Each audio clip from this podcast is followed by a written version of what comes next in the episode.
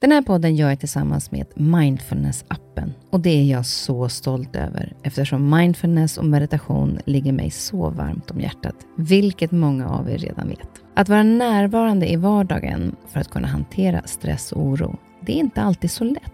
Då kan man ha mindfulness-appen nära till hands för att hjälpa dig när du behöver. För mig kan det vara så till exempel när det gäller sömnen, att vissa dagar då har jag riktigt svårt att komma till ro. Framför allt när det är mycket med jobbet. Då brukar jag använda mindfulness-appen och avsluta dagen med en avslappningsövning för att sänka stressnivån.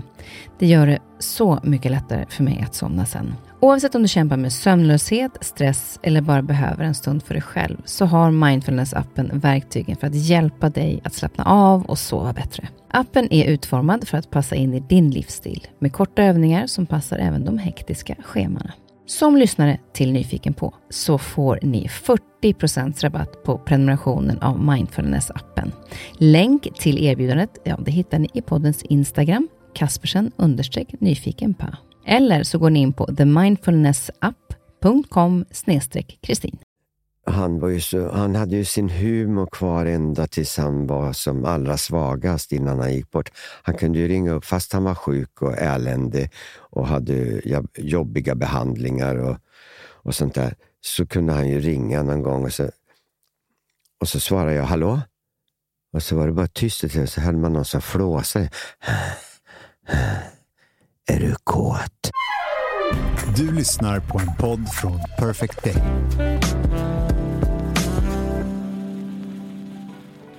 Veckans gäst har precis fyllt 70 år, bara för några dagar sedan. Christer Lindar, artist, designer, producent och grundaren av After Dark.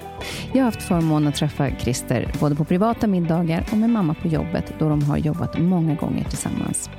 En otroligt varm man som gjort så enormt mycket samtidigt. Men han säger också att han är väldigt lat. Det är någonting som jag är väldigt nyfiken på, hur han får ihop den här latheten med att jobba så enormt mycket. Men jag är också nyfiken på hans kreativitet och idéerna bakom deras shower som alltid varit det där extra. Han växte upp utan syskon med sin mamma Vivian, mormor och moster. Och jag undrar vad han har fått med sig av deras kärlek, då jag i alla fall alltid upplevt Christer så trygg och med starkt självförtroende. Kommer det från kärleken från just dessa kvinnor som han hade runt omkring sig som barn? Vi pratar om hur han skapat sina shower, var han har fått idéerna ifrån. Vi pratar även om gaykulturen under 70 och 80-talet och hur han upplevde den här perioden just under 80-talet när han förlorade så många vänner i aids. Hur påverkade det synen på de som var gay? Nu fyller han 70. Hur ser han tillbaka på sitt liv där han är idag? Om olika vägval han gjorde längs vägen. Ja, jag är så glad för den här pratstunden med Christer här i studion. Att det bara är han och jag. Vi har alltid nyfikna på honom. För även, som sagt, vi har mötts många gånger, men det har alltid varit bakom scenen, fullt med folk, i loger, på premiärer eller på härliga middagar hemma hos mamma med massor av människor. Men nu är det bara jag och Christer. Och du som lyssnar så. Så härligt att ha dig här, Christer.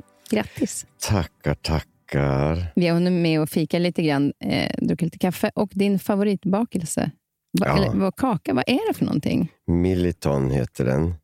Det är, en, den, den, det är som en godbit som man sa förr, alltså liknande massarin eller något sånt där. Men, men den är lite annorlunda och den har blivit så ovanlig. Det är bara ett konditori i Stockholm som jag vet har den kvar och, och som gör de här fortfarande.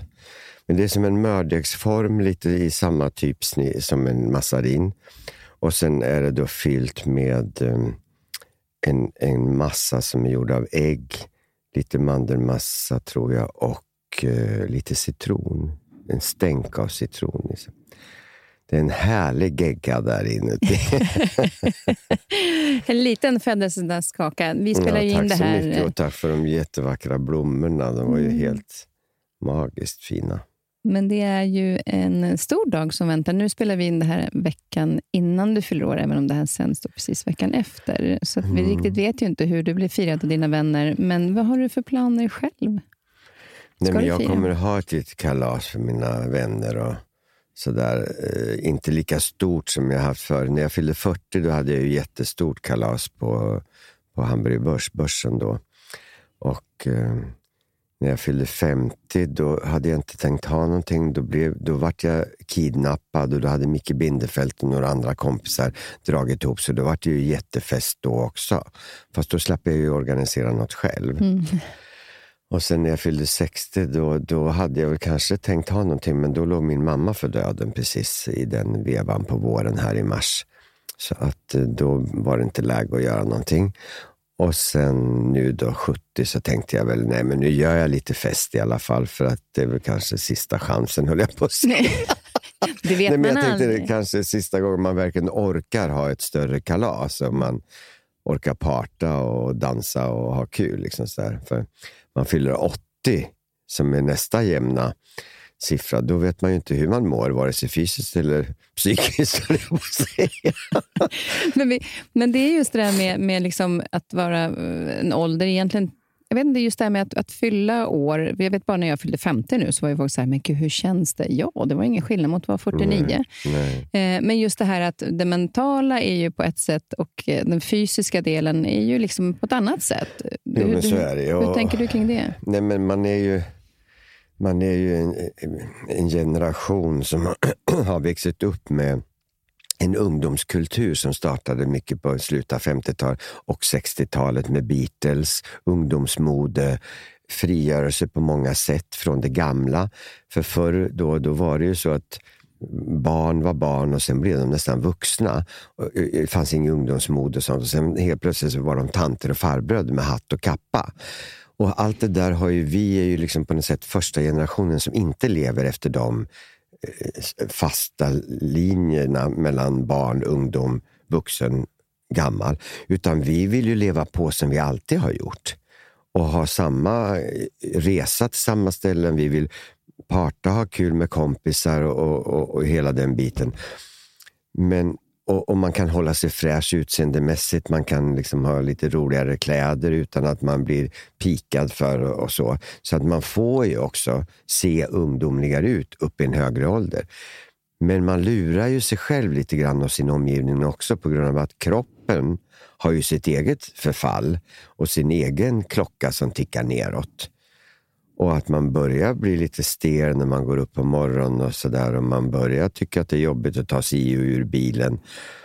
Man börjar få liksom kanske ont i någon liten fingerled från början till någon slags artros eller någonting. Och nu har ju jag ganska bra fysik ändå, så, så jag klagar inte för jag, jag menar jag är ändå 70 år nu. Fast siffrorna låter jävliga. Men, men, men jag är ganska nöjd med hur jag, min kropp är ändå. För att jag har ju tränat mycket genom att jag har dansat och haft snabba byten i över 40 år på scenen. Så jag har ju, jag har ju varit vital och, och, och hållit mig igång. Och nu när jag inte showar själv så kör jag med PT och tränar och försöker hålla mig i form också. Så att, och sen, ja, sen har jag slutat röka också när pandemin kom. Så då bara... Men hur många år rökte du? Det var länge. Men jag rökte ju från gymnasiet, från man började parta då i gymnasietiden, ända fram till för tre år sedan. Så det var nu i mars för tre år sedan, när pandemin kom, som jag tänkte, nej, ska man få den här skiten så vill jag inte få det värre för att jag röker. För det var ju mycket det i de första rapporterna. Så då, då fimpade jag. Och jag hade inte varit så här påverkad av restriktioner när det gällde liksom att man inte fick röka inne eller på uteserveringar eller vad massa, allting blev bara svårare och svårare. Men då var jag obstinat med att ja, men då, jag går ut och röker, det är min röka ska jag. Liksom. Men pandemin vart en ögonöppnare för mig vad gällde det och det var ju bra. Mm. Så att, och, men då var ju problemet att man satt hemma på, på kvällarna under pandemin och kunde inte träffa folk, inte göra någonting. Då var det ju Netflix och ostbågar, förstår du.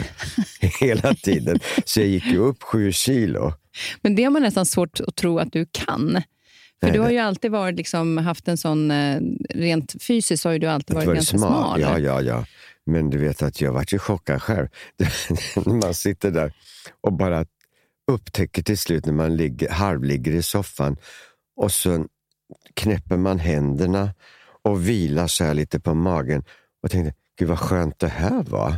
Vilket bra stöd det här var. Och så upptäcker man, men gud det är en jättemage som mina händer vilar på nu. Jag kände mig som en sån där gammal soffliga gubbe med brynja vet du, i någon amerikansk trashig film.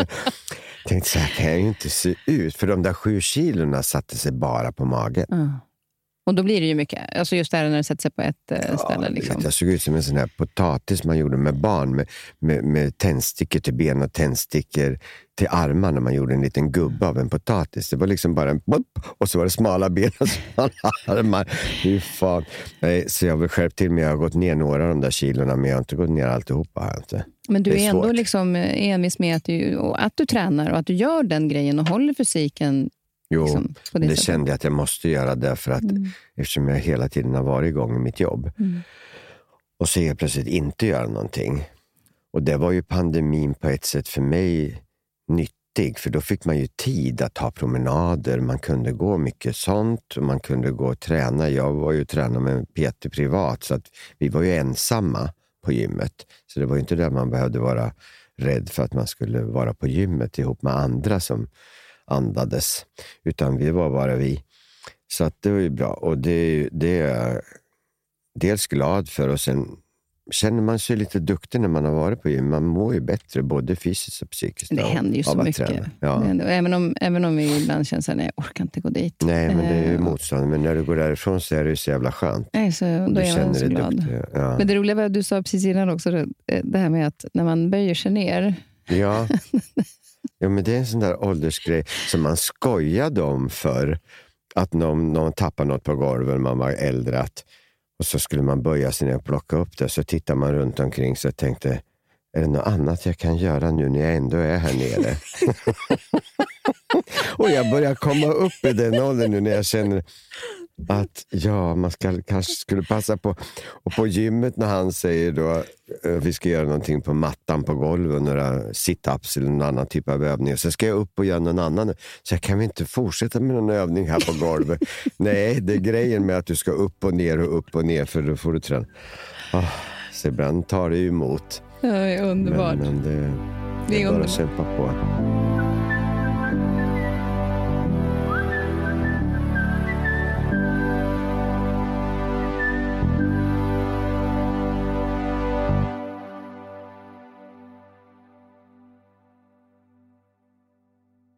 70 år, det har hänt mycket genom, genom ditt liv. Och eh, Jag tänkte vi skulle liksom ta oss igenom den här, de här 70 åren lite nedstamp, lite runt omkring. För du har ju verkligen varit med om så mycket. Eh, nu har jag ju eh, haft förmånen att träffa dig väldigt många gånger genom åren eftersom du har jobbat mycket med mamma och också var en väldigt fin vän till henne. Jag känner ju dig nästan som du var bebis. Ja, precis. Mer eller mindre. Ja, och så det var väldigt fint att läsa på eh, och eh, titta på dokumentären och boken och sånt där för att eh, återuppleva mycket som faktiskt jag eh, var ju väldigt tidig att titta vad och se er på After Dark och hänga Ja. bakom scenen och logen och sådär. Så det var en väldigt fin vecka att, att eh, sätta mig in i ditt liv igen.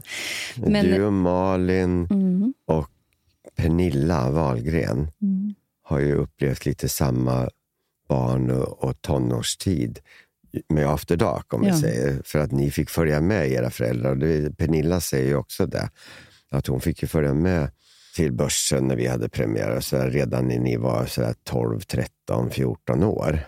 Och jag minns, eh, nu eh, när vi kommer in på det, så eh, när jag tittade på dokumentären Mm. så var det, eh, då, var jag lite, då blev jag ju lite kär i dig när du kommer in, eh, minns jag när jag var liten, men jag kommer inte ihåg vilket år det här var och det kommer du säkert ihåg. När ni gjorde showen, när du går fram och så säger jag söker jobb här. Jag söker jobb här, ja.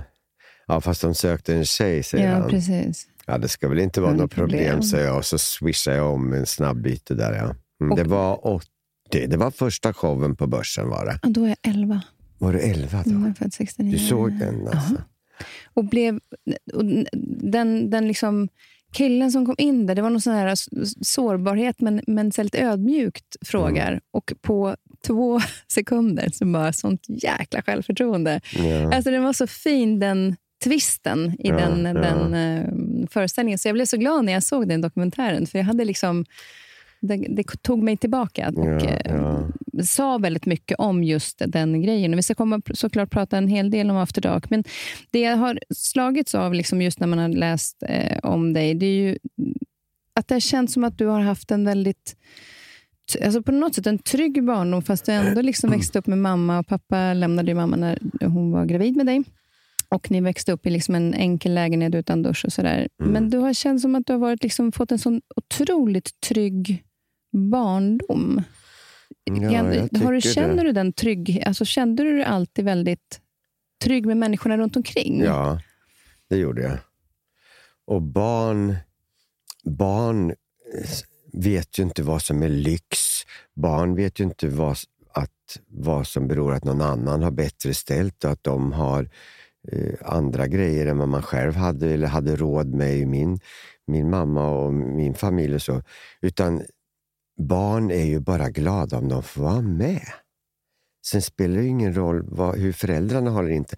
Utan jag var nära mamma, jag var nära mormor. Jag hade min moster Ann-Kristin som är lite som en syster till mig för att hon är bara fem år äldre. Och, och så där så att jag, jag, hade, jag, jag tyckte vi hade det toppen. Mm. Och jag hade ett bra skolkamrat. Jag gick i en liten skola ända från första klass till nian. Och där kände alla alla. Och även om jag var lite udda fågel i mina intressen och eh, att jag tyckte om att ha eh, sykläder redan från när jag var 11 år och sydde mina första byxor till mig själv. Och, och, och så där, hålla på med, med lite modaktiga saker och sånt kan ju sticka i ögonen på en del. Men då var ju alla så ändå gulliga med mig och så, för jag var samtidigt en, en rolig kille på så tillvida att jag fixade på roliga timmen som man hade. På den tiden gick man ju i skolan halvdag på lördagarna. Mhm. gjorde man när jag var i småskola. Då, då gick man ju halvdag på lördagen. Och då hade man ofta så lite lättare ämnen och lite roliga timmen och kunde ha lite kul. Och då fixade jag ju underhållning och grejer där. Så alla, alla gillar ju mig för de kände mig. Men hade man sett mig bara utifrån, som andra klasser och andra skolor kunde göra, då kunde de ju tycka att vad är det där för jävla konstig typ och vad har han för kläder på sig. Men då var det så jävla gulligt som jag på senare år har blivit så rörd av.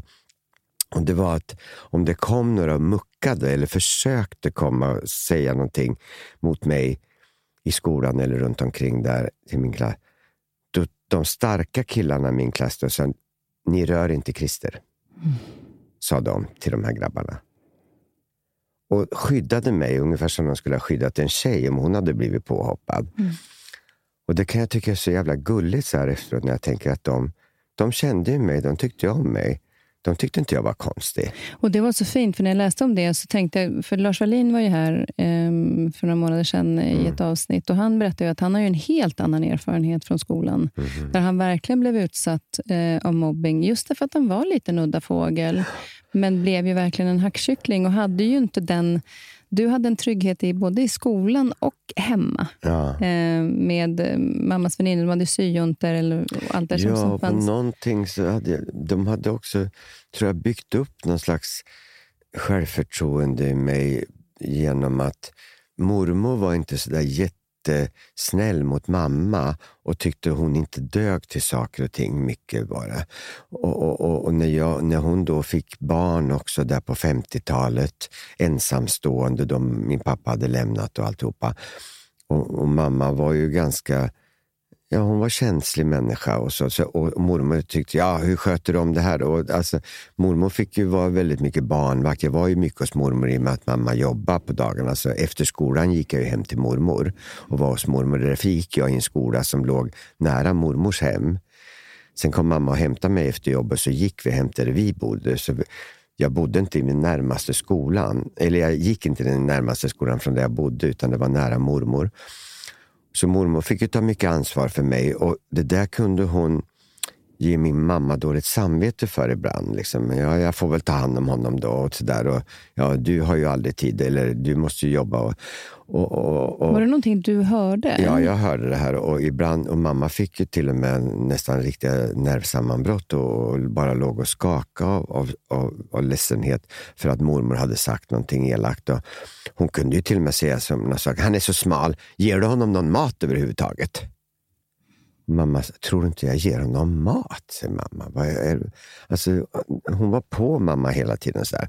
så mamma hade väl hela, när jag, när jag kom, till, då var, hade hon någon slags filosofi att Christer ska uppmuntras.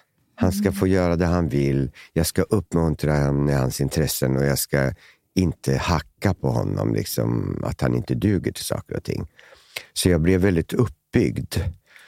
Ja, så det kommer därifrån, jag tror eftersom det hon kommer inte mycket kände så det att från sin mamma. ju, Även om jag då i skolan, till exempel att det kom såna där som tyckte, och, och jag umgicks mycket med flickor och tjejer, tjejkompisar och så där, för att jag var ju den där lite roliga killen som, som var, kunde ha kul med tjejerna. Och det var ju de andra grabbarna lite avundsjuka på naturligtvis på ett sätt. Och, så de kallade mig för tjejtjusare och lite skojare. Så, men jag, och sen kunde de säga, vad fan har du på dig? Kunde de säga om jag hade sytt några, på 60-talet hade sytt några utsvängda byxor eller någonting sånt där och har, går till skolan.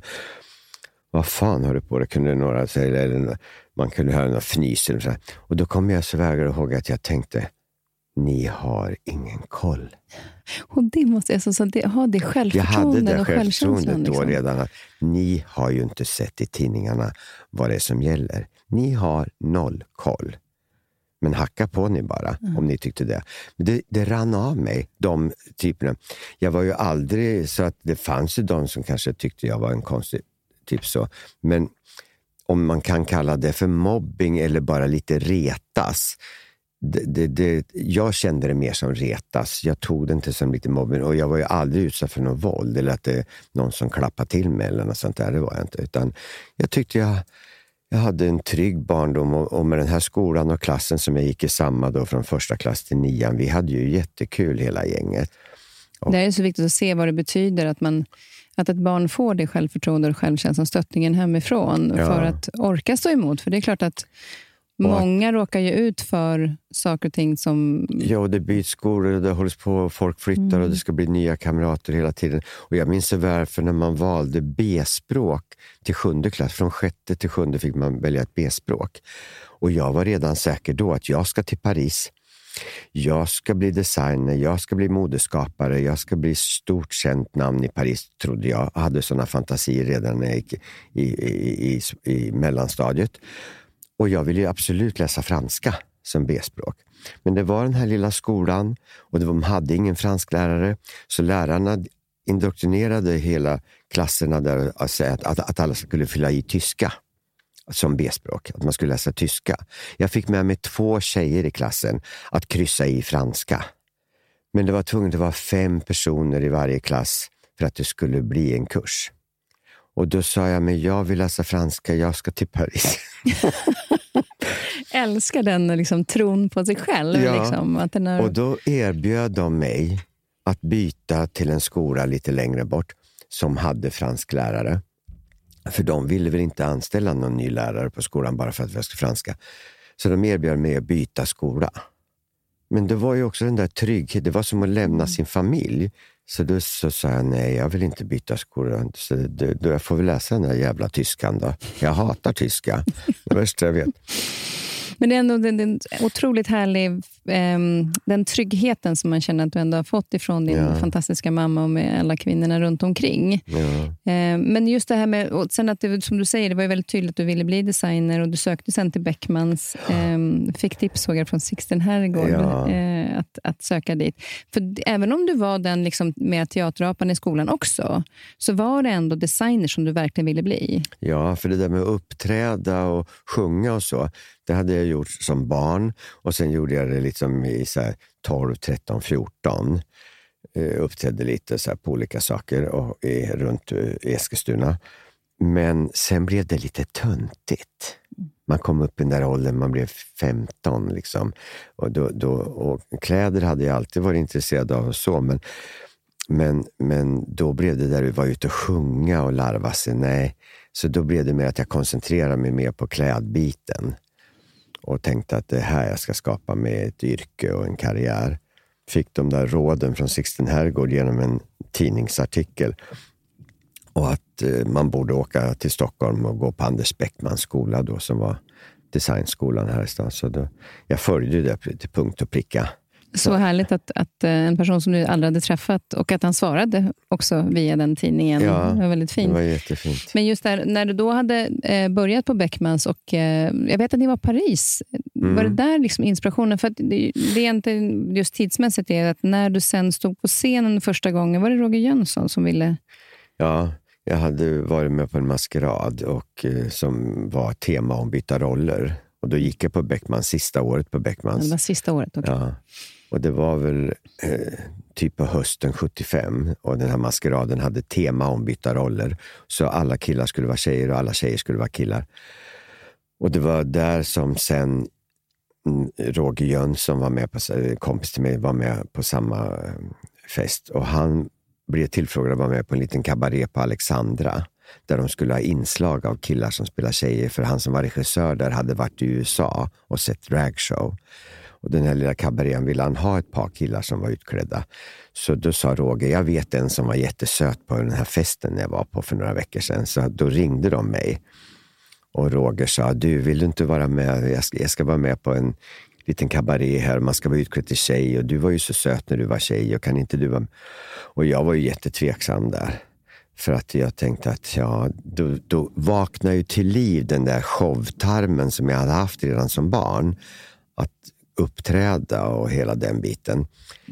Men eh, jag hade ju fått min så att säga, exhibitionism tillfredsställd genom att jag sydde kläder och att jag stack ut och var ju synlig ändå. Så gatan var ju min scen liksom då när jag gick på Beckmans. Men den här lockelsen att stå på en scen och uppträda blev ju lite så här, mm, man kanske skulle vara med på det där. Men jag var tveksam. Men var du också orolig för att, så här, att om jag gör det där kommer jag tas seriöst då som ja, men designer? Det var det. Jag var väldigt tveksam ifall det skulle skada, för det var ju en helt annan tid. Vi pratar alltså 1900, början på 1976. Och att jag ska stå utklädd som kvinna på en scen på kvällen och sen gå ut Beckmans på våren och söka jobb som designer. Mm. Och de kanske tycker, ja men det är ju han, han klär ut sig till till kvinna på en transvestit eller vad är han för något konstigt? Så jag var rädd att det skulle skada mitt namn som designer, det var jag. Så i början uppträdde jag under falskt namn och allting. Men, men sen när jag fick beröm, för hur det än var med den där showen så var det inte särskilt bra, men det vi gjorde stack ut lite. Och mm. så, så sa ju Alexandra faktiskt, kan inte ni göra någonting själva här? Och Det var då Roger och jag så jag, jaha, vad ska vi göra då? då? Man kan, kan man göra show på två personer? Vi måste åtminstone vara tre om vi ska kunna göra något byte eller sådär. Och då vi tog kontakt med Lasse Flinkman. Men hur kände du, var träffade du honom någonstans? Lasse Flinkman hade jag sett på gayklubbar. Gayklubbarna var ju ganska diskreta på den tiden. Och, eh, men jag hade sett honom på flera gayklubbar. Han jobbade själv på Puss och Kram som var en sån här jeansbutik på Gamla Brogatan som var liknande Gul och blå. Mm. Där jobbade han och jag vet att han hade kommenterat mig någon gång där när jag kom in och sa schyssta kläder liksom, till mig när jag hade sytt någonting. Så, jag, jag mindes honom för jag fick en komplimang av honom någon gång i butiken. Och sen hade vi sett honom på olika grejer. På den tiden var det ganska populärt med, med maskerader och temakvällar och sånt där eh, på klubbar och så. Och folk klädde ut sig. Var det Hawaii-tema så kom alla Hawaii-skjortor eller kransar. Och så. Alltså, det var lite mera sådana fester på den tiden. Och jag hade sett Flinkman utklädd dels som Liza Minnelli eh, från filmen Cabaret hade jag sett honom utklädd till på någon maskerad. Bienvenue, welcome. Främte, étranger, stranger. Glücklich zu sehen, just suis enchanté. Happy to see you, bleibe reste stay. Willkommen, bienvenue och sen hade jag sett honom som Esther Williams, hon som var skådespelerska och som var simmerska också och gjorde en massa Hollywoodfilmer där när hon dök ner i vattnet och kom upp ur vattnet med tomtebloss och så här. Så att någon gång kom han in på någon fest och hade han baddräkt, en stor kep över, liten krans i håret och två tomtebloss så här. Då var han Esther Williams. Så jag visste att han var en liten spelvink. Och, eh, så vi frågade Lasse om han ville vara med och så gjorde vi våra första trevande försök där till att göra små shower där på, på Alexandra och även på några andra diskotek sen innan vi blev lite mer ordentliga shower sen. Men det gick ju ändå ganska fort. Om man tänker att det var 76 och det var... Allting gick, inom, 80 inom ett 80. år hade vi egen klubb. Vi började på Alexandra med småshower under våren 76. Sommaren 76 fick vi jobba på Shazam, för Lasse Flinkman kände de som hade Shazam på, vid Sankt Eriksbron. Då fick vi vara där varje söndag och göra en egen klubb. En gayklubb på söndagarna, för det var ju ett vanligt diskotek annars. Så var vi där varje söndag och de ägarna, Sergio Cambogiani och Klaus Stahl, de sa det här det går ju så jävla bra, vi måste ju nästan, det går inte, det var ju kö långt ut på, på, på Väster, eller vad, vad heter det, Sankt Eriksbron där. Så det var ju så mycket folk varje söndag. Vi borde öppna ett ställe och köra show lite på riktigt. För där inne uppträdde vi bara på en liten sockerlåda, liksom, så här jättemin. Och riktade om några små spotlights för dansgolvet riktade vi om mot scenen. Så alltså, det var ju väldigt provisoriskt. Så, men redan i november, där, eller fall det var i början på december, någon gång november, december där 76, så startade vi ju klubb After Dark på David Bagares gata. Men det var ju tack vare Sergio och Claes som, som hittade lokalen och tog hand om hela den biten. Vi behövde ju aldrig tänka på sprittillstånd eller danstillstånd och köpa in mat. De tog ju hand om hela restaurangbiten. Vi behövde ju bara leka fram en show. Och det var ju ändå väldigt mycket jobb bakom, för att det är inte bara att du tar fram showen, utan du gör ju kläderna. Och Jo, och sen allt det. blev det ju naturligt då att jag sydde kl- kläderna i början där och designade dem och köpte tyger och fixade och sådär. Men då var vi ju bara tre personer så i början gick det ju bra att sy själv. Sen vart, när det vart dansare och sånt där mer, så nu, då tog jag hjälp av Det finns ju vissa, det finns bara 24 timmar på dygnet. Ja. Liksom. Men, men vad då, den där, när du går fram till scenen och försöker ett jobb, var det första på börsen? Hallå? Hallå? Von Arnold? Von Arnold? Hallå? Von Arnold? Hej. Hej. Har du sett Christer von Arnold? Nej, är det något jag kan hjälpa dig med? Jag skulle söka jobb här. Ja, försök där framme. Tack. Hallå där framme. Jag skulle söka jobb här. Som showartist. Ja, men då måste du ha missuppfattat det här för vi sökte en tjej. En tjej? Ja. Tyvärr. Jaså? ja, ja. Det ska väl inte vara så svårt att fixa. Jag tar jobbet. Jag ska nog visa dem. För, den var ju, för det som jag tycker var så slående med, med After Dark var ju att det var så eh, Nu var jag som sagt då 11, men det var så mycket... Det hände så mycket. Det var mycket färg, det var glitter. Det var liksom, ni gjorde extra allt Ja. när det gäller show. Och då hade jag ju ändå sett en del. Alltså jag har ju varit med mamma på rätt mycket shower. Men det fanns ju liksom ingenting som var det ni gjorde. Nej. Vad, och hur, liksom, att ni tog ut svängarna på det sättet. Fanns det liksom inte... Var kom det ifrån? Nej, men det kom sig av att jag var väldigt showintresserad jämt när jag växte upp. Så jag tittade ju på alla såna här Fred Astaire-filmer och långfilmer som gick på tv där det var lite dans och musikalstil. Och sen hade vi rest upp till Stockholm ibland och tittat på Kardemummas Folkan-revyer och sånt där som gick på, på Folkan på, vid, vid Östermalmstorg. Och eh, jag gillar ju underhållningsprogram på tv när man såg Jan Malmsjö och, och olika så här underhållningsprogram. Jag älskar ju sånt. Och sen när vi började där så reste vi till New York också och, började, och såg på Broadway-shower. Så vi tittade ju inte på dragshow, gjorde vi inte.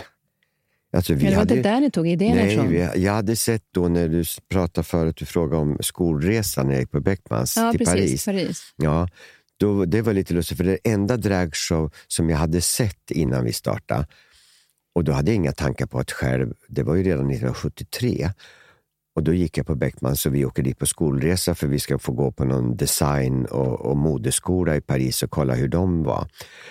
Och då sitter jag på Café de Flore och fikar med mina kompisar och kommer Björn Axén gående och säger hej, är ni här? För jag hade fått göra, göra teckningar till Björn Axéns bok. Han, han gjorde en bok som heter Hår.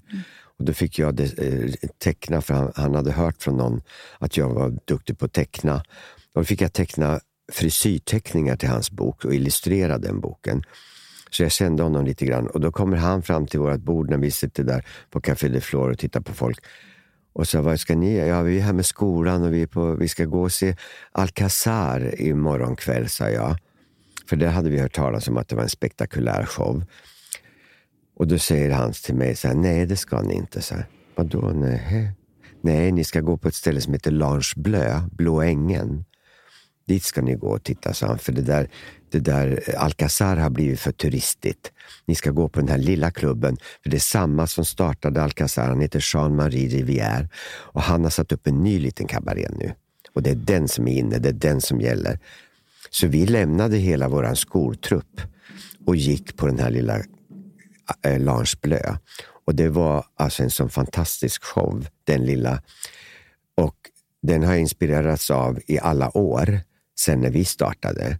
Jag har till och med inspirerats av den när vi gjorde den här föreställningen som vi gör nu på, på Vasateatern.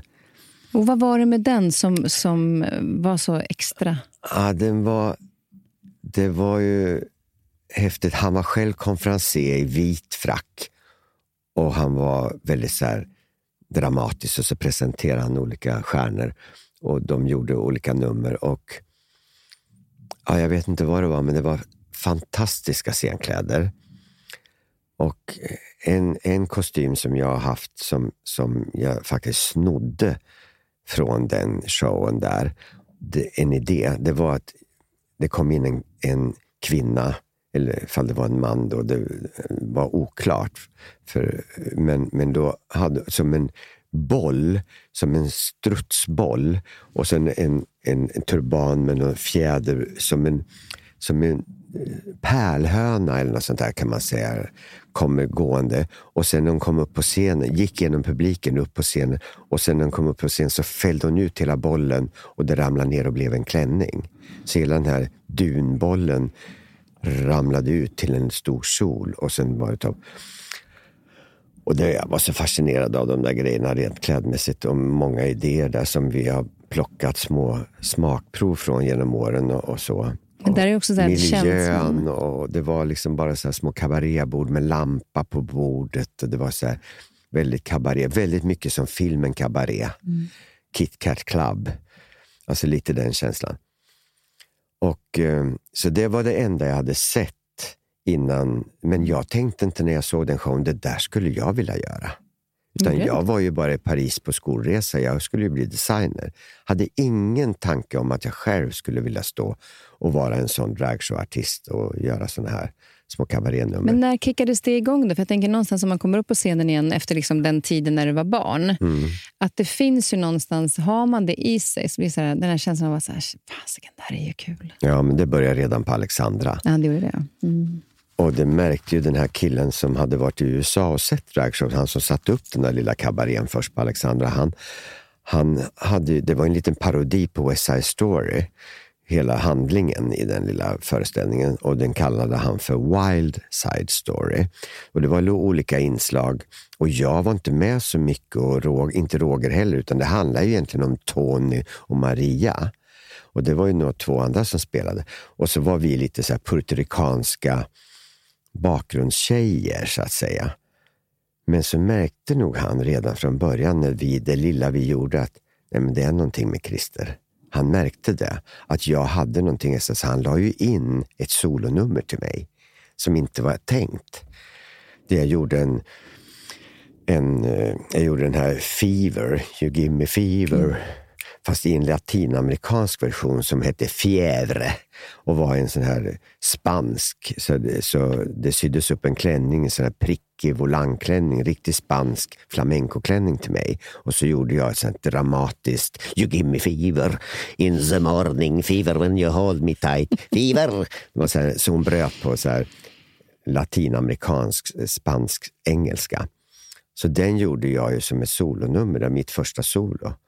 Så att jag tror de såg någonting i mig redan där från början.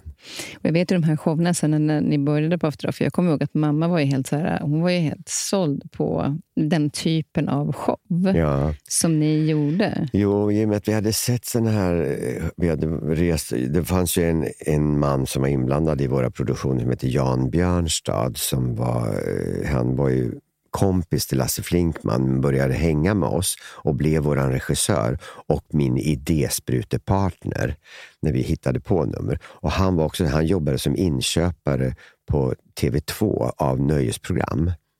Och sen jobbade han med oss på det här då, på kul, för han, han var också så här genuint showintresserad.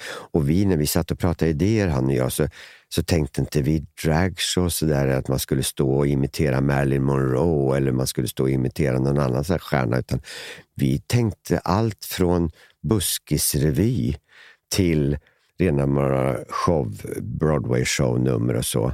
Och, och sen så ville vi fascinera med häftiga scenkläder. Paljettyg gick ju knappt att få tag i på den tiden. Man fick ju nästan sy, handsy paljetter på grejerna. Och det var ju liksom jättesvårt. Det är ju inte som idag, man kan gå in på Sara och det hänger liksom fullt med, med paljettoppar och paljettkavajer och allt vad det är. Nej, det var svårare då. Men han och jag hade ett genuint showintresse och vi gjorde ju liksom, vi gjorde, det som jag brukar formulera nu för tiden, brukar jag säga, egentligen gjorde vi inte dragshow. Egentligen gjorde vi en stor show i drag. Ah, just det.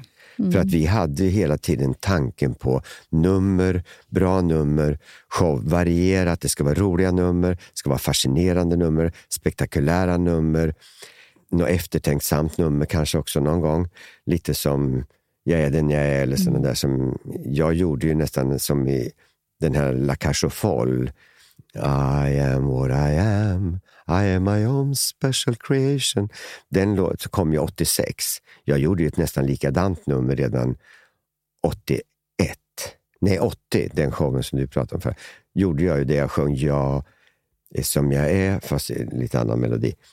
Jag är som jag är, jag är den jag är. Vad annat att vara än den man är. Så jag gjorde en sån låt typ redan fem år innan musikalen La aux Folles kom. Och det lustiga var också att huvudpersonen i La aux Folles heter Sassa. Och jag kallades ju för Sassa. Sassa Shakespeare var ju mitt artistnamn.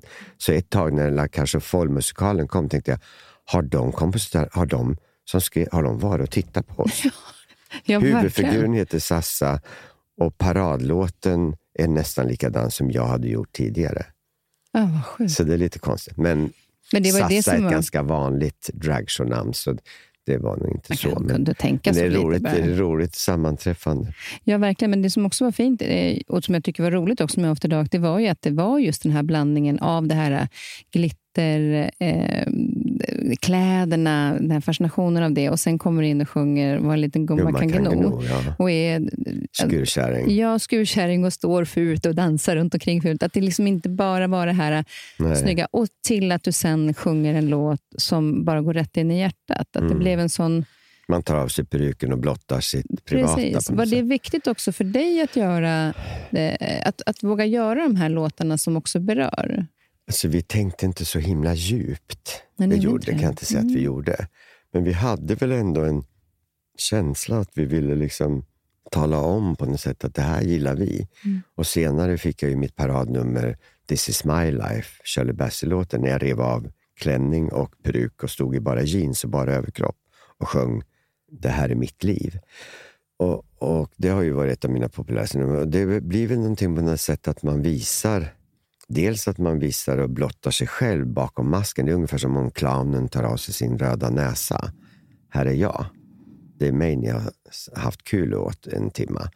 Men, men eh, sen var det väl också att, att det var ju liksom Inget gay var ju uttalat på den tiden. Det var ju såna här smågrejer man kunde visa upp och, och få någon slags acceptansförstående från folk genom att göra lite såna här nummer. För jag vet att, att eh, för det var under 70-talet. Vilk- När var det du uttalade dig att liksom var öppen med att du var gay? Ja, det var inte förrän vi gjorde vårt 20-årsjubileum, 96 först, som jag officiellt gick ut och sa att jag var homosexuell.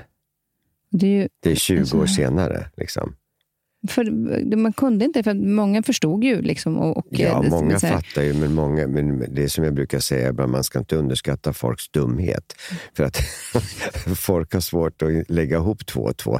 Så ute i landet tror inte jag att de tänkte det första de tänkte, de där är bögar. Utan de såg oss som en rolig underhållningsform och vi klädde ut oss till kvinnor och hade kul. De jämförde det ungefär med Lilla Märta, här kommer Lilla Märta eller något sånt där som Stig Gerrel hade gjort på, på, på någon film. Och så där. så det var, jag tror inte de tänkte så mycket på För det var ju också en period eh, just när, eh, när eh, hela he- hiv och aids-tiden kom då. Eftersom jag också kände Sixten Herrgård. Han uttalade sig, att, eller han utnämnde sig själv till gudfar till mig och Malin. Jaha. Eh, och då var jag ganska involverad i det här med Noaks ark och Mm. hela den grejen. Men då var det som att, att det liksom blev en... Innan så hade man pratat kanske om, om att det fanns homosexuella, men, men sen blev det någonting annat. Eh, och ni förlorade ju väldigt många runt omkring er. Alltså både i aids och sen var det några som, som hade problem med droger och så. Hur var den tiden? Ja, den var ju både hemsk och samtidigt så körde vi bara på. På något sätt. För vi var ju mitt uppe i karriär och, och, och olika showprojekt. Så, där.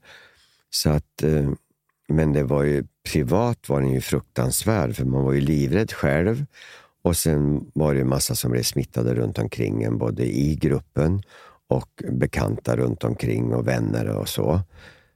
Och eh, nej, det, var ju, det var ju en hemsk tid. Jag menar, det här med att ha corona nu i, på de senaste åren och vi har varit rädda för att få corona och sånt där. Det är ju liksom ingenting mot den skräcken vi hade på 80-talet, att bli smittade av hiv. För att eh, där hade man ju inte heller, där var, blev man smittad av hiv då i början, då var det ju liksom bara en utgång. Och det var att man skulle dö. Sen hur lång tid det skulle ta innan man dog, det, det var ju olika och individuellt. Men eh, det var ju en dödsdom då, innan bromsmedicinerna kom sen i mitten på 80-talet. Så att, eh, nej, det var en fruktansvärd tid, men det var... Man slog ju inte döver, man, man, man skäll, fällde upp skygglappar för sig själv på något sätt gjorde man. För man orkade inte riktigt ta in alla som, som man hörde gick bort. Och, och Man var på så mycket begravningar hela tiden så att min mormor sa till mig, men stackars hon, du har varit på mer begravningar än vad jag har varit. Och hon var liksom gammal. Och hennes vänner började gå bort. Men hon sa, "Du- dina vänner, du har ju varit på mer begravningar än vad jag har varit. Så det var en hemsk tid var det. Och, eh, Och den, men vi showade på ändå. Det var liksom... Det var, det var ju däremot var det ju en acceptansvåg under slutet av 70-talet och början, precis i början på 80-talet där, så när vi körde, körde från 76 till typ 81, 82. Där det var så öppnande i samhället. Hela gay-acceptans-grejen hade kunnat öppnats upp mycket, mycket tidigare om, om det inte hade kommit den här aidsvågen. För när aidsvågen kom och de första dödsfallen började komma och man började skriva om bögpesten och USA-rapporterna och bla bla bla. Och vi började få det våra svenska första aidsfall här hemma och så där, när den kom vid 82, någonstans där. Då var det som att dra ner en järnridå för den här så att säga öppenheten som hade funnits fram till dess. För att slutet av 70-talet så var det väldigt mycket inom musiken också. Och i, eh, idolerna var lite könsöverskridande och det var inne liksom lite med den. Det var David Bowie, det var Lou Reed som sjöng Walk on the wild side och allt vad den texten innebär. Och det var liksom många artister, eh, Sweet som sminkade sig, det var Mark Bolan, det var en massa som var lite så här, hade en bisexuell image lite granna. Och det var lite, inte trendigt kanske man kan säga om, om, om sexuella eh, läggningar, men, men det var liksom en nyfikenhet, en öppenhet. Men den var ju tvärdöd när, när hela hiv och aidsvågen kom och alla lite öppnare klubbar som vi hade haft på, på David Bagares gata. Vi var ju liksom Sveriges Studio 54.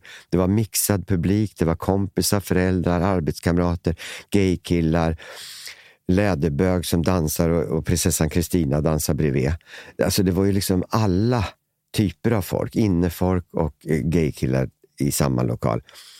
Men alla sådana klubbar blev ju liksom lite underground igen på 80-talet för att folk vågade inte gå. Folk visste inte hur det smittade.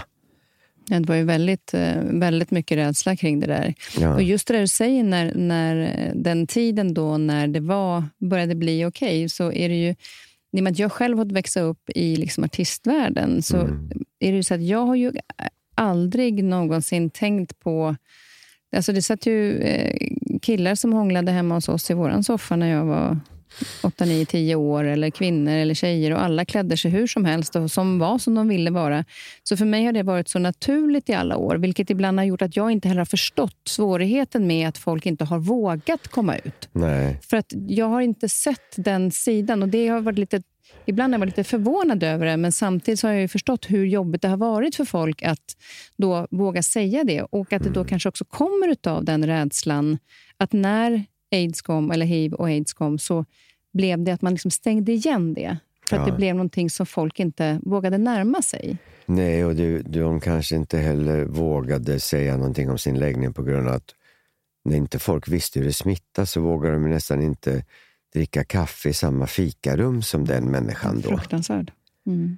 För den ank, du var ju i en liten eh, showbiz-ankdamm var ju du Verkligen. växte upp i. Och där var ju allting väldigt öppet. För inom, inom teater och showbusiness och dans och, och ballett och så där har ju alltid gay funnits. Både som de kreativa människorna som gör saker och även de som uppträder och är artister och skådisar. Där har det hela, alltid varit en acceptans i alla, alla tider. Men kommer du bara utanför den kretsen så blir det ju andra värderingar och andra syn på homosexuella så på den tiden. Så var det ju. Då var det ju väldigt... Man pratade inte om det överhuvudtaget.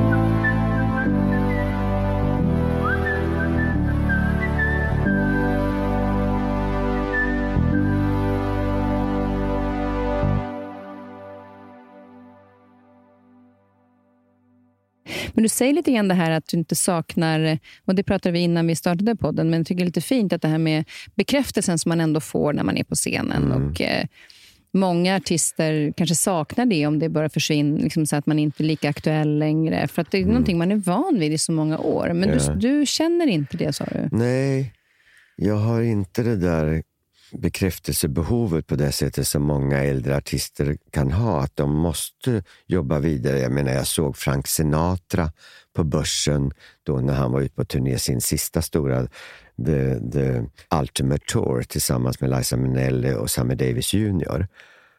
Och då såg man ju faktiskt, nej men lilla, lilla Frank Sinatra, du borde inte ha gjort det här. Du är för gammal. Du kommer inte ens ihåg texten till, till, till My Way. Och han, han bockade när publiken klappade, men bockade mot orkestern. Han såg inte vart orkestern var och vart han stod med ryggen mot publiken och bockade. Trodde att, publiken, att orkestern var publiken. Han var liksom helt väck. Och Då kände man, nej, jag vill inte se det här. Men, och han behövde ju inte åka på världsturné för pengarnas skull. Utan det var ju det här att få bekräftelse naturligtvis. Och många, många artister har ju det där hela livet och dragningskraften och kan inte sluta. Men jag har inte det på det sättet. Jag har fått så himla mycket erkännande. Jag har fått så mycket bekräftelse och beröm och, och, och sånt under hela min karriär och, och, särskilt de sista åren tycker jag jag har fått så himla mycket bekräftelse från folk och för vad de tycker att vi har betytt och vad vi har gjort och hur mycket vi har glatt folk med våra shower och så. Så att jag känner mig lite nöjd. Men jag tänker också så här, att det blir lite grann en röd tråd i den, när man pratar om dig som barn, den tryggheten du kände i den du mm. är. Att du mm. egentligen inte behöver höra det från de andra, för de där killarna har inte kollen då på mode. Alltså Nej, jag... eller som jag brukar säga, jag vet att jag är bra. älskar det. nej, nej. nej, men just att, men... att, att, du trygger dig själv på något sätt. Ja. Att, man, eh, att man kan bekräfta sig själv. Att det inte alltid är lika viktigt att få det från andra. Nej, och Det är någonting som speglar sig, tänker jag på, lite grann det du sa i början. Att det spelar ingen roll vad de killarna, om de mobbade dig för att du hade sytt dina kläder för de var inte koll. Alltså, det stod redan i det där. Ja, nej men jag har haft någon... Jag har väl alltid haft en... en jag kommer aldrig ihåg vad, som är självkänsla och vad som är... Självkänsla är ju mer, pratar man om att det är mer den som man är som människa. Ja. Eh, och självförtroende är det för prestationen, det Ja. man gör. Och det är väl det är självsäkerheten där och prestationen, så den har ju varit ganska bra känsla för att det, kan, det här kan jag, det här blir bra, det här blir häftigt och, och när vi hittar på nummer och så här, det här kommer bli jätteball. Och så att säga, däremot självkänslan i så här privat eller i, i vissa situationer och blyghet på ett sätt också ibland. Som, och det är inte jag ensam om inom artist och, och skådespelarkretsar. och så. Många kan ju säga ibland om jag ska hålla ett litet tal eller nu skulle jag dela ut ett pris här på Guldbaggegalan skulle jag dela ut pris till årets bästa kostym för, se, för, för filmkläder. Dela ut den Guldbaggen. Och jag var så nervös för att gå in framför de där jädrans märkvärdiga skådespelarna som sitter där i hela cirkus. Och jag sa det bakom mig, alltså jag skulle hellre göra en gratisshow med det jag kan än att komma in här och vara trevlig och lite fyndig och lite rolig och, och dela ut det här priset. För att då är man mera privat. Då ska jag representera mig själv. Och där är inte... Och då blir det mycket svårare att hålla ett tal på en middag. Eller någonting. Det är ju mycket värre än att göra en hel show och, och uppträda för tusen människor. Det spelar ingen roll. Då, Mm. är- då vet man, då har man repeterat, man kan allting. Nej, det är mycket värre att göra privata grejer. Det är det faktiskt. Mm. Och den, den tiden efter, efter After Dark, så jag tänker på, vi pratade om Lasse Flinkman, för ni hade ju en, en period där ni inte där ni krockade, helt enkelt. Mm. Att det inte funkade. Men jag tycker det är så fint att ni faktiskt hittade tillbaka till varandra. Ja. Och efter att det var tjafsigt under den här perioden och han lämnade och sen kom tillbaka, hur blev relationen då? Blev den liksom starkare då, eller? Var den, var den... Ja, alltså det börjar ju med att när han kom tillbaka efter att han hoppade av och sen kom tillbaka då 86. Jag, jag kan inte säga eller minnas att vi pratade ut. Däremot så hade vi nog båda kommit på att vi berör inte varandras känsliga punkter. Du är så jävla jobbig på det där. Eller du vet, sånt här som man hade förut hållit på och gnabbats om och retat sig på varandra för det hade nog båda kommit på på något sätt att det är ingen idé att ta upp sånt här nu. Utan nu, ska, nu får vi försöka ha lite trevligt och jobba på här för vi ska vara... För vi hade ju också insett att vi var ett roligt par för publiken. Vi var ju lite helan och halvan i drag. Han den frodiga då och jag den tjusiga. Så vi märkte ju att vi kompletterar varandra så bra som scenpersonligheter. Så att vi tog det nog mera professionellt. Vi blev lite proffsigare, både mot varandra och mot publiken, när vi började jobba tillsammans igen.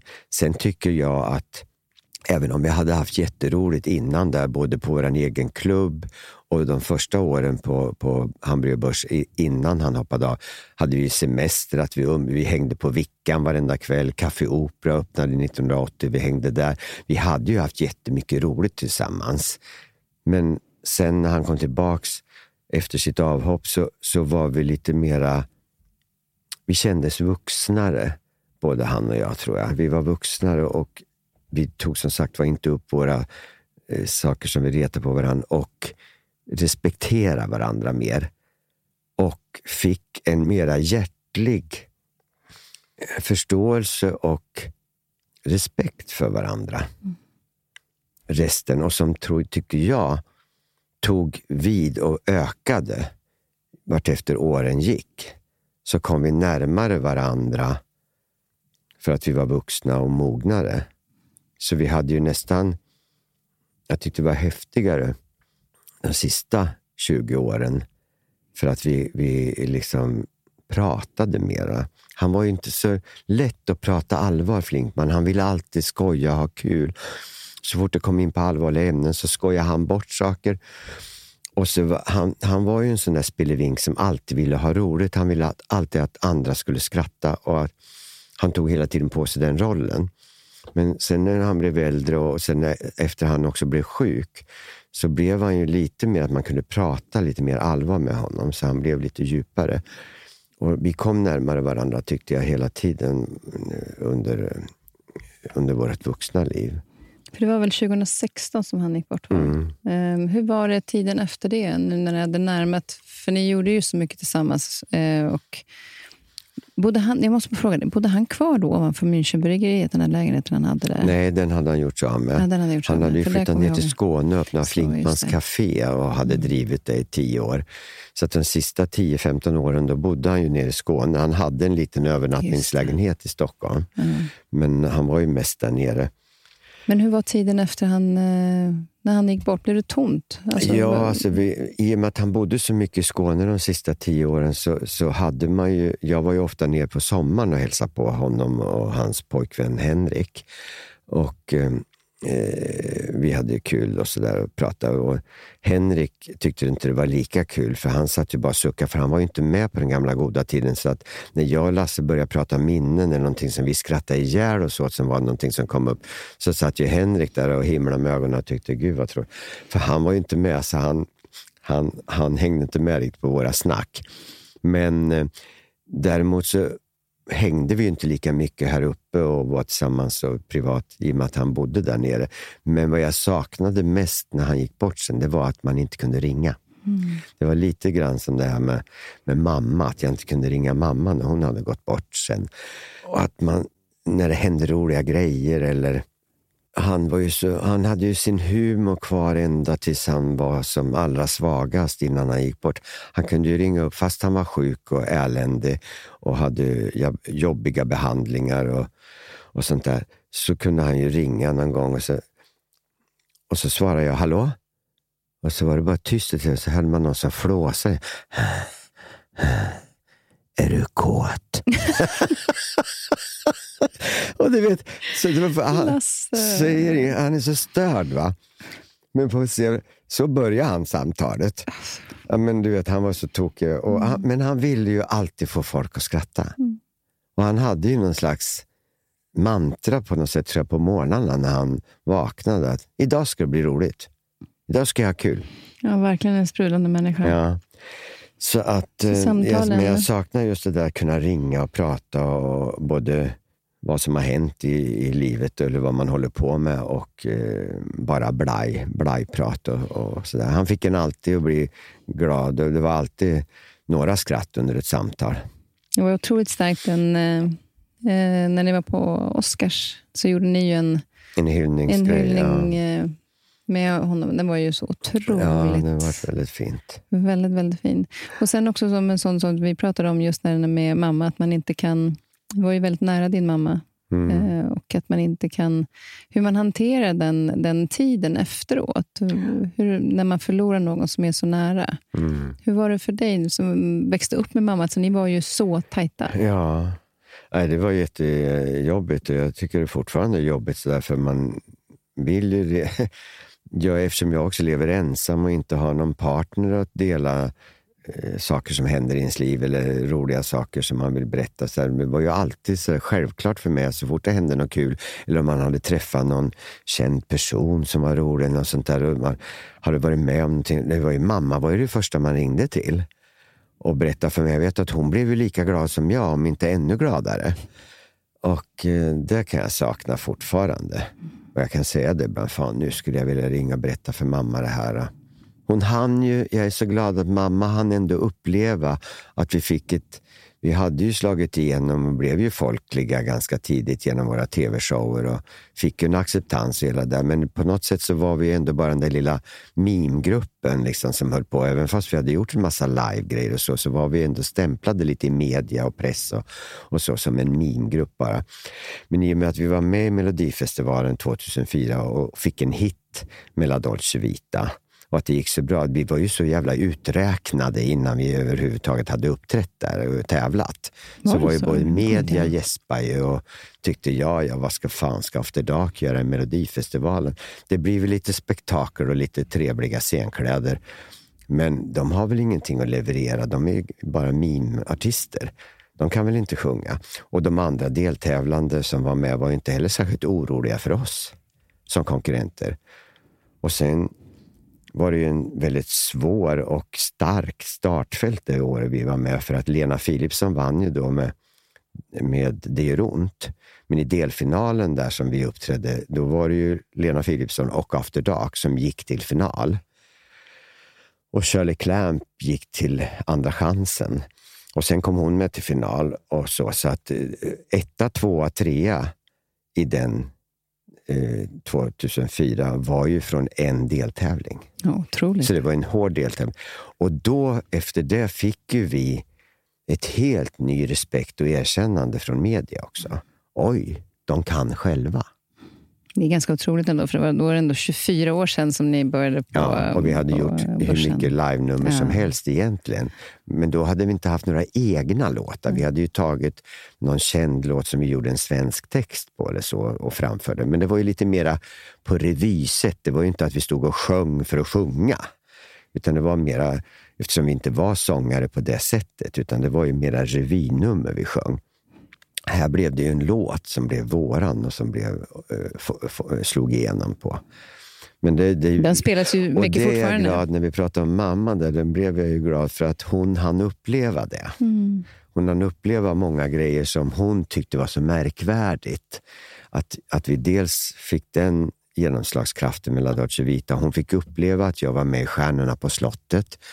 Hon fick uppleva att jag gjorde sommarprogram på radion och hon fick uppleva många grejer som jag är glad idag att hon är, för hon blev så jävla stolt över de här grejerna som, som jag lyckades med så att säga. Och Det är så fint också att titta på de sakerna som med en tacksamhet. Eh, för att man kan inte påverka att de inte finns här längre. Men Nej. man kan känna en tacksamhet över det de faktiskt fick uppleva. Absolut, det är så jag tänker Och också. lägga, lägga fokus på det. För Ja. det blir lättare när saknaden eh, kommer över en då.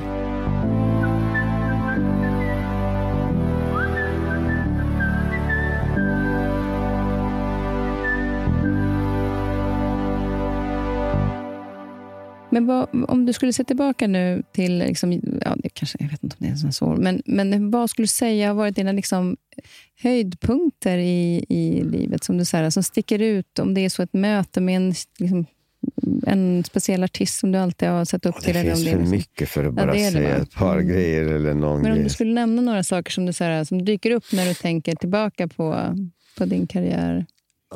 Alltså det första som var genomslaget för oss, det var ju när jag fick göra drottning Silvia på en välgörenhetsgala på Oscarsteatern och drottningen och kungen sitter i en loge och tittar på den här välgörenhetsgalan. Och jag ger drottningen en ros som jag fick på scenen och sträcker mig och ger den. Och så vart det en drottning som ger drottningen, eh, det blir den äkta och den oäkta så att säga, står mitt mot varandra. Och det blev ju en bild som kom på, på löpsedlarna på kvällstidningen och allting. Och det var ju en av våra break-grejer. Sen måste jag väl säga att en sån som Karin Falk och några av de andra producenttjejerna på eh, Gunilla Nilars, Meta Bergqvist och de här producenterna som kom fram där på 70-talet och början på 80-talet på tv, som gjorde alla underhållningsprogram. De gav oss så mycket chanser och gav oss möjlighet att köra våra shower på bästa sändningstiden lördag kväll. De gav oss möjlighet att vara med i olika underhållningsprogram av andra, med andra artister och så. Så, att, så de producentbrudarna som jag säger, de bjöd jag hem på lunch för, förra sommaren och tackade dem för att de har betytt så mycket för vår karriär. För att om inte de hade varit så påstridiga bland alla gubbar uppe på tv så hade vi kanske aldrig blivit så kända i och med att vi fick så tidigt vara med i tv. De hade sån koll. De hade koll och de, hade, de gav oss möjligheterna. Så det är jag så glad också. Jag tycker att folk ska tackas medan de lever och inte tackas efteråt. Så att, eh, det är också en stor punkt som är viktig, de här människorna. Sen är det så många nedslag när vi hade klubben och Elton John hänger med oss hela tiden där. Och, Det är, alltså när man läser om dig, det är, alltså, de, du har träffat med Diane Warwick och Diana Ross och Elton Ja. John, och man men alltså den ena efter den, andra. Ja, det var en rolig tid. Ja. Och sen vidare, hela man jobbade på och jobbade på. Och sen den här bonusen då med La Dolce Vita 2004 som blev en uppsving och vi fick en ny publik som inte kände till oss så mycket sen 70 80-talet. De kom ju då och eh, undrar vad det är här. Så, så det roliga nu när vi sitter och, och kör, eller när vi kör showen här på Vasateatern, det roliga där är att vid ett bord kan jag träffa, då sitter en äldre dam i 70-75 års åldern och säger ja, säger hon, det är så trevligt det här. Och, ska vi säga, jag är här med min dotter och barnbarn. Mm. Och då är dottern 45 och barnbarnet är runt 20. Mm. Och, och, du vet, och de har lika trevligt alla tre. Va? De har lika kul. De, det här är någonting som de kan se tillsammans. Och då blir jag så himla glad att det har gått över generationerna. Och sen eh, man får bekräftelse på sådana där saker, att de tycker att man har betytt någonting för deras acceptans och sådär. Och, och att eh, no, någon mamma och pappa som, som var där, eller någon, ett, ett par som var där och så säger de, vi vill tacka dig för att att vi hade sett dig på tv och vi hade sett mycket After Dark. Det hjälpte oss så mycket när vår son kom ut som gay. Att vi hade lite erfarenhet av att vi hade sett någonting i den världen ändå, av att vara gay. Och då känner man att man har betytt lite grann för Lite grann. Jag tror ja, att men ganska mycket, mycket kanske att vi har öppnat mycket. upp lite dörrar för folk. Och det, det, det, kan man ju också vara stolt och tycka är väldigt kul. Mm.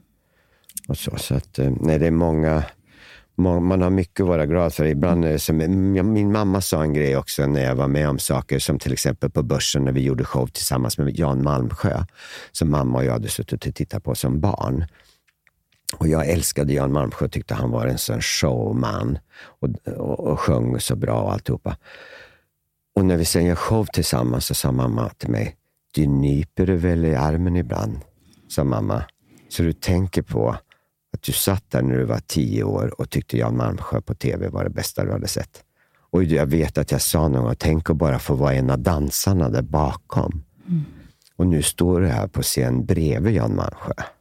Nyper du dig i armen, sa mamma. Mm. Så att eh, det är många saker man har att nypa sig för faktiskt. Mm. Ja, det är en fantastiskt fin eh, karriär och nu eh, är det firande som ja. gäller. Ja. Nu andas du in lite grann. och After Dark fortsätter under... Ja, vi våren. kör i alla fall våren här, så får vi se om vi fortsätter till hösten också. Är fulla hus. Vi får hålla tummarna att ni fortsätter, för det är en fantastisk föreställning. Så jag säger det igen, ni som inte har sett den, eh, passa på. Eh, ja, det tycker dit. jag verkligen. Om, om du skulle säga någonting vad du är nyfiken på? Ni, ni mejlade ju till mig innan mm. jag skulle hit och frågade lite vad jag gillar för kakor. Ja, jag gillar, och, och vad jag då fick jag ju min favoritkaka mm. här och sen så, fall det var någon jag var nyfiken på, då blir man ju så helt ställd först. Men, men det, kan vara, det kan ju egentligen inte vara en person, det kan vara också hur man tar hand om blommor. Alltså det kan vara ja. vad som helst. Vad man... ja. det, det är svårt att komma på mm. sådär som man på rak arm. Jag skrev då, när jag svarade på den mejlet, så, så skrev jag eh, sångaren i Måneskin, Damiano David, som är tycker jag, en häftig kille. Mm. Han är något av 2020-talets David Bowie på något sätt. Han är lite androgyn i stilen, han är skitsnygg och han har väldigt både androgyna och eh, kläder som, som, som det faktiskt börjar hända mera nu i samhället också. Att, att vanliga grabbar som inte alls är gay vågar använda sig av lite kvinnliga attribut. Och de gör ingen grej. Ibland kan jag nästan få lite fördomar själv, fast jag tror att jag är helt fördomsfri. Så kan jag se någon kille som kan ha nästan en tjejklänningsgrej till en skinnjacka och, och så har de svartmålade naglar eller något annat. Och, så där. och, och de, nej men de är inte ens gay. Mm. Då kan jag bli så här, va? Jaha. Jaha. Och de gör ingen grej av det. Och där kan jag gilla att det har gått så långt så att även straighta killar kan våga använda kvinnliga attribut.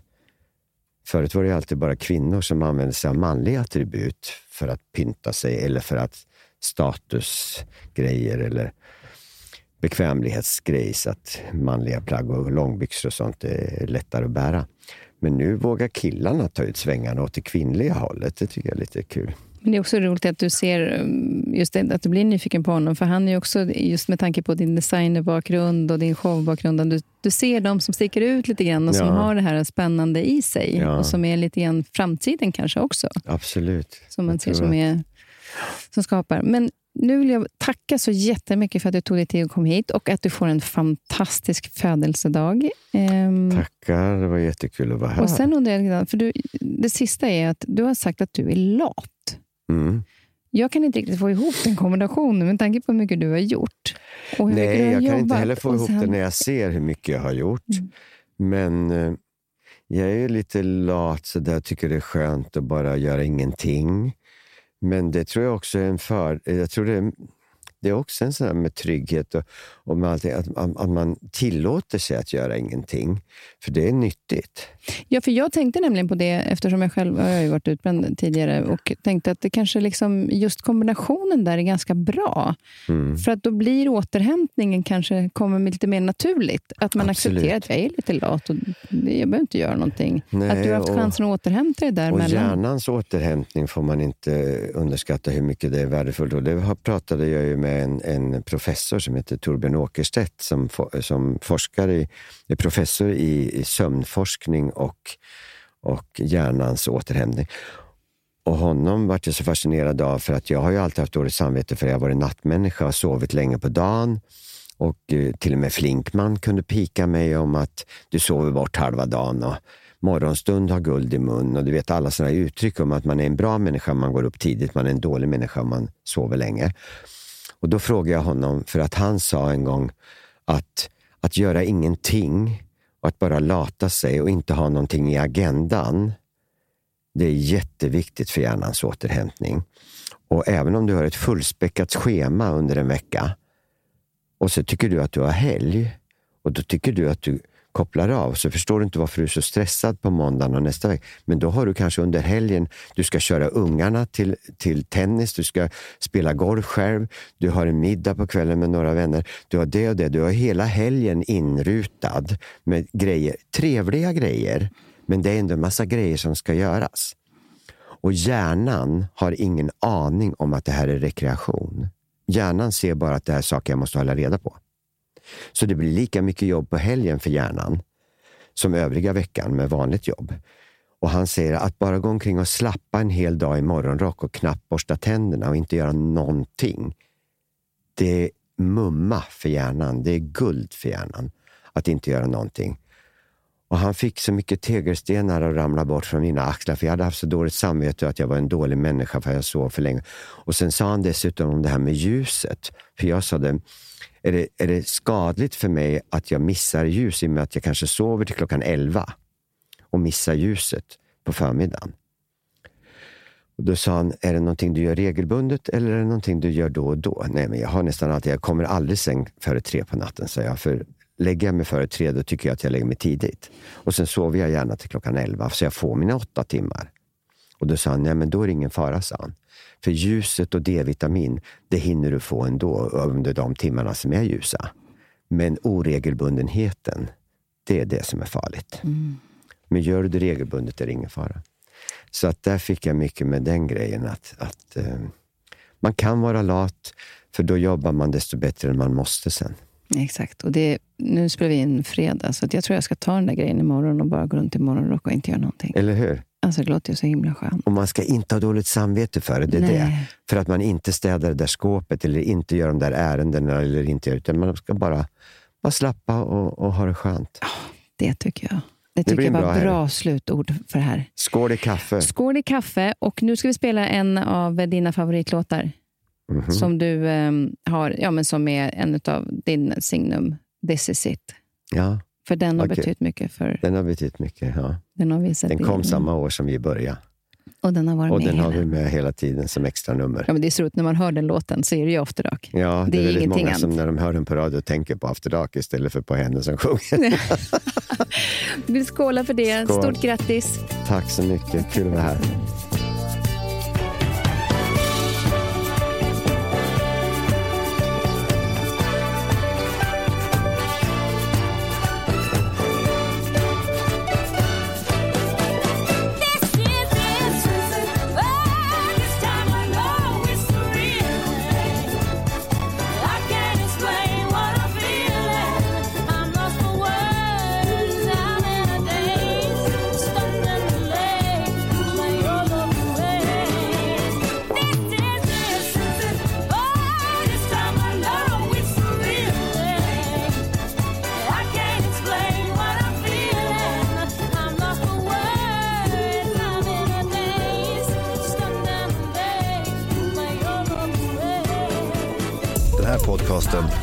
Producerad av Perfect Day Media.